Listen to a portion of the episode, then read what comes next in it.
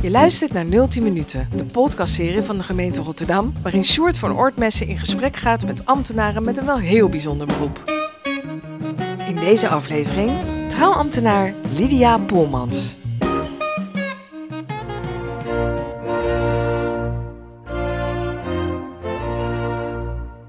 Van harte welkom, bruidspaar. Wat een prachtig entree hebben jullie gemaakt. En wat zien jullie er schitterend en gelukkig uit. Van harte welkom. Ja, het Landhuis de Olifant. Een prachtige locatie om te trouwen. En natuurlijk ook van harte welkom getuigen van dit mooie paar. Ouders, verdere familieleden, vrienden, misschien ook collega's. Welkom bij het huwelijk van Jip en Janneke. Dus zo begin jij hoe vaak per jaar? Nou, zo'n 180 tot 200 keer heb ik het vorig jaar gedaan. Wat hoop, hè? Ja, dat is wel uh, veel. Maar dat komt ook. Uh, ik doe soms vijf, zes huwelijken op één ochtend. En daarbij moet je denken aan de kosteloze huwelijken. Ja. Gratis trouwen. En uh, daar staat 10 minuten voor. En dan zijn we een heel klein gezelschap, want dan komt het bruidspaar met twee getuigen. Maar 10 minuten is toch eigenlijk helemaal niet leuk? Wat is dan 10 minuten? Dat is eventjes tussen het ontbijt en het, de dagelijkse boodschappen door. Ga je even trouwen dan? Ja, dat is de wens van het bruidspaar. Respecteer ik natuurlijk. Ik vraag ook niet veel door. Maar ik probeer toch met dat kleine gezelschap uh, die 10 minuten dusdanig te maken dat ze na afloop zeggen: Nou, het was toch leuk. Hadden we niet verwacht. Maar hoe kan je dat doen dan in die 10 minuten? Wat, ja, hoe doe je dat? Je moet het heel snel inschatten. Wat voor type mensen zijn het? En ik vraag niet door van hoe lang kennen jullie elkaar of vertel eens dit of dat, want dat willen ze misschien helemaal niet kwijt. Maar ik vraag altijd wel van wie zijn de getuigen die jullie hebben meegenomen. Nou, en soms vertellen de getuigen dan iets over zichzelf, de relatie die ze met elkaar hebben. Nou, dan wordt het toch wel een klein beetje persoonlijk. Maar wat is eigenlijk de reden dat iemand er maar tien minuten over wil doen? Is dat dan een geldkwestie of wat is dat? Een reden kan zijn dat mensen komen met twee stadsgetuigen, omdat ze het echt geheim willen houden uh, voor familieleden. Het kan een kwestie van geld zijn, dat mensen denken, nou we geven straks nog een heel groot feest, dus dit doen we een beetje goedkoop. Of mensen die voor een tweede of derde keer uh, in het huwelijk treden. Ja, ja. En die denken, nou we gaan er maar niet zo'n hele grote booming business van maken, we houden het maar een beetje rustig. Dus dat is de kosteloze 10 minuten durende huwelijk. En dan, maar zijn er ook nog andere? Jazeker. De eenvoudige huwelijken. Zo'n 15 uh, minuten hebben we daar de tijd voor.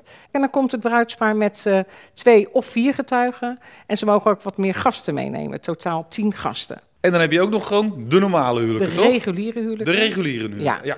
En ja, dat is heel anders. Want uh, dan is het leuk, je kent van tevoren uh, de namen van de bruidspaar, de gegevens, je kan bellen. En dan maak je afspraken over de manier waarop het bruidspaar wil dat de ceremonie uh, zal zijn. Want het uh, bruidspaar staat natuurlijk centraal. En ik vind het ook heel belangrijk om in de sfeer van het bruidspaar de ceremonie te doen.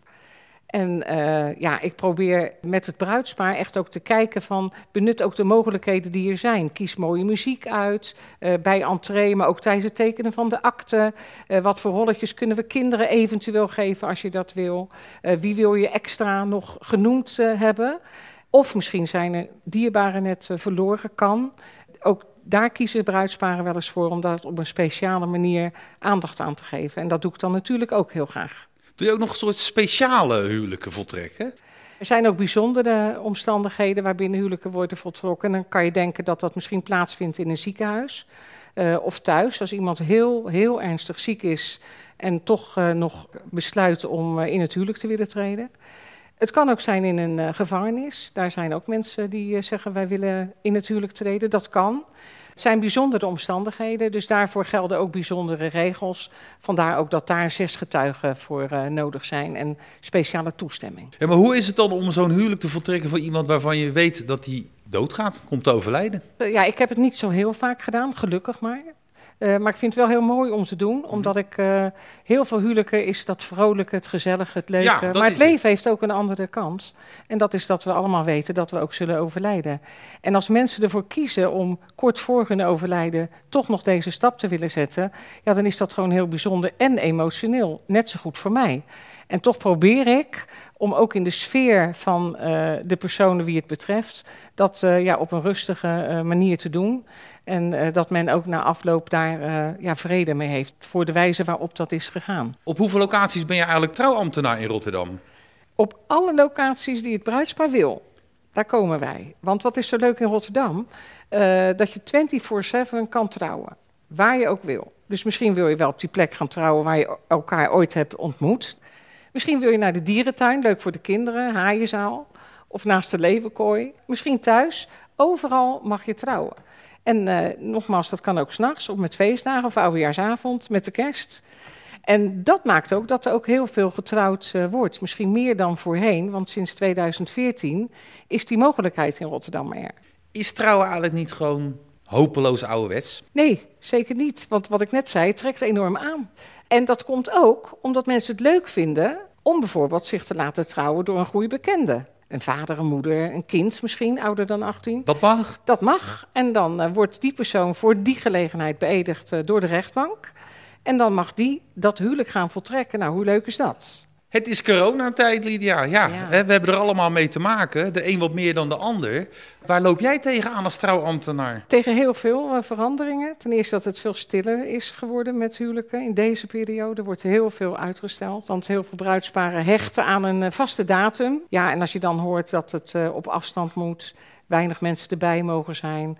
Uh, ja, horeca is natuurlijk niet uh, optimaal. Er moet overal rekening mee worden gehouden. Dan kiezen bruidsparen er vaak voor om het op te schorten naar een andere datum. Of naar een, niet naar een andere datum, maar soms zelfs naar het jaar daarna. Oh ja. Op diezelfde datum. Wel op diezelfde datum. Op diezelfde dan. datum. Maar er zijn er ook wel huwelijken vertrokken voor 9 of 30 mensen nu, uh, waar bijvoorbeeld opa en oma niet bij konden zijn, omdat die in een risicovolle groep zaten of Klopt. zitten. Ja. Ja, dat dan toch ook best wel treurig. Ja, dat niet? is echt heel, heel erg jammer, ja. Maar toch tijdens een huwelijk probeer ik het woord corona niet te zeggen. Ik heb het dan over andere omstandigheden of zo. Wat maakt Lydia nou een hele goede trouwambtenaar? Nou, dat is al wat om wat van mezelf te zeggen. Ja, nou, doe eens een, doe eens een gooi. Uh, ik vind het ontzettend leuk om te doen. Ik vind ieder huwelijk leuk om, uh, om te mogen voltrekken. Ja, of ik het goed doe, ik krijg gelukkig na afloop vaak uh, spontane leuke reacties of een mailtje achteraf. Omdat mensen dan ja, toch het gevoel hebben gehad... het is zoals we het ons hadden voorgesteld. Hoe bereik ik dat? Door ja, toch wel te kijken van wie zijn die mensen die ik ga trouwen. Dus proberen om door te vragen op bepaalde dingen die ik ook kan gebruiken in mijn persoonlijke toespraak. Daar heb je een beetje empathisch vermogen voor nodig. Uh, ik vind de diversiteit van mensen heel leuk. Die verschillen die er zijn. Verschillende culturen, verschillende leeftijden. Man, man, vrouw, vrouw. Ik, ik vind het allemaal gewoon heel bijzonder om dat te mogen doen. Hoe kijk je eigenlijk zelf tegen natuurlijk? Uh, nou, prima. Ik ben twee keer getrouwd geweest. Nou, heel goed. Ja.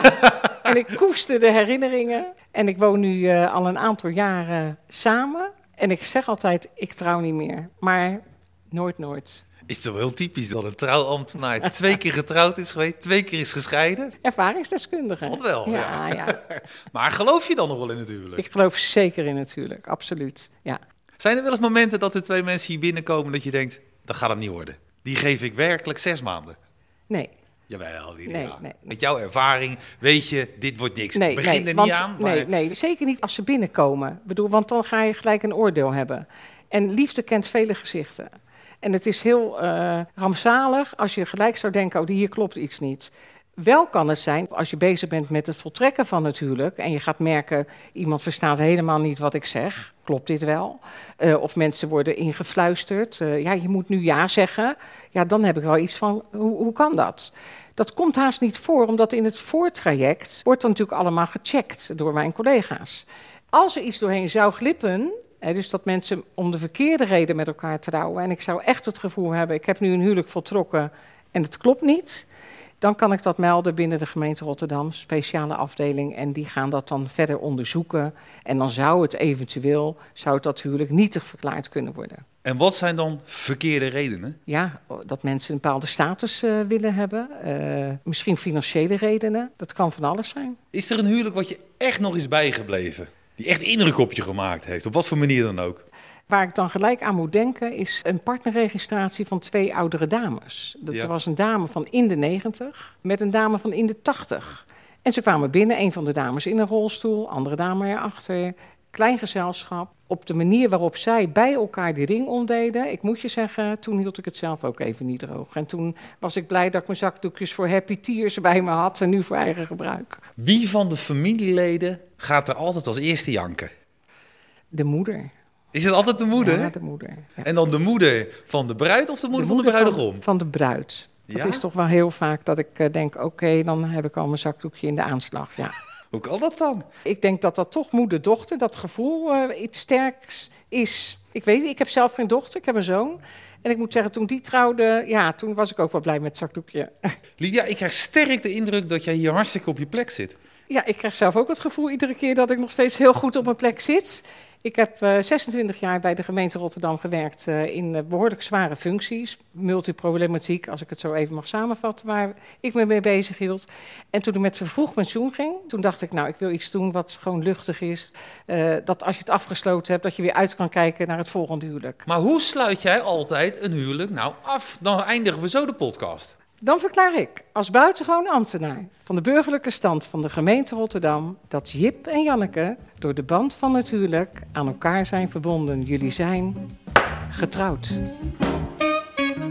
Volgende keer in 010 minuten.